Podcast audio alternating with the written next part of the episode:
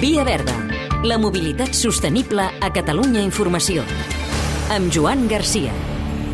Avui els Park and Ride, punts de connexió entre el vehicle privat i el transport públic per reduir la circulació a l'àrea urbana. Alternatives a la zona de baixes emissions per entrar a Barcelona. El concepte.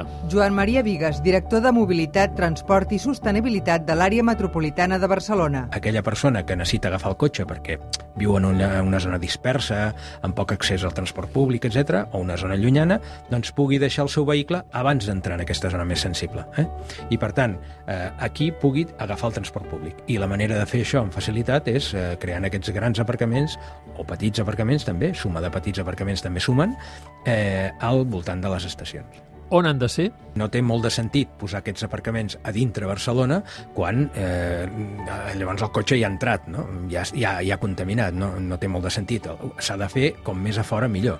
Eh? I en aquest cas a les fronteres de l'àrea metropolitana seria el més indicat, també, diguéssim, com a mínim a les fronteres de lo que és la primera corona metropolitana.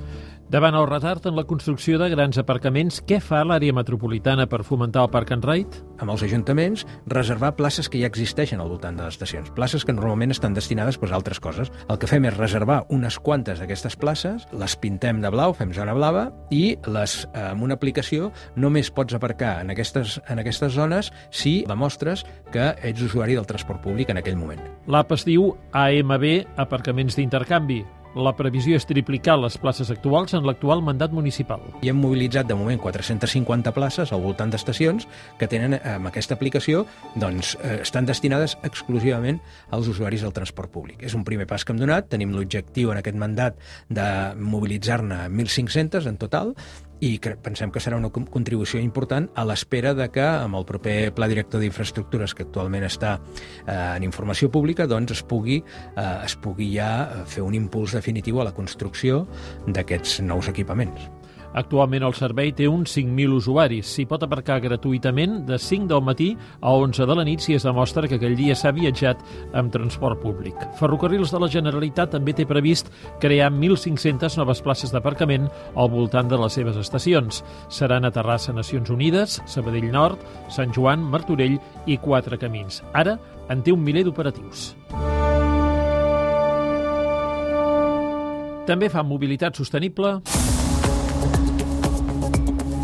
L'Ajuntament de Girona ha engegat un pla pilot de paqueteria intel·ligent i zero emissions. S'han instal·lat bústies al carrer on es distribueixen els paquets de les compres online a través de vehicles elèctrics. És un projecte pioner a Catalunya i també hi participen la Generalitat i l'empresa Smart Point Girona. Endesa ha completat amb TMB la infraestructura de la primera línia d'autobusos 100% elèctrics de Barcelona. L'H16, que uneix el fòrum amb la zona franca, disposa de dos equips de càrrega ultraràpida a través d'un pantògraf carreguen el 80% de la bateria en 5 minuts. La Generalitat i l'àrea metropolitana a la carretera C245. Entre Cornellà de Llobregat i Castelldefels aquesta via es transforma per fer-se més urbana. S'hi fa un carril bus i una via ciclista. A mesura que es vagin acabant trams, s'aniran entrant en servei. Les obres duraran dos anys.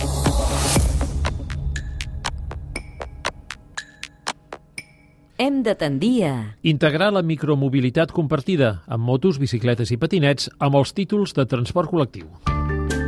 Via Verda, disponible al podcast i a catradio.cat.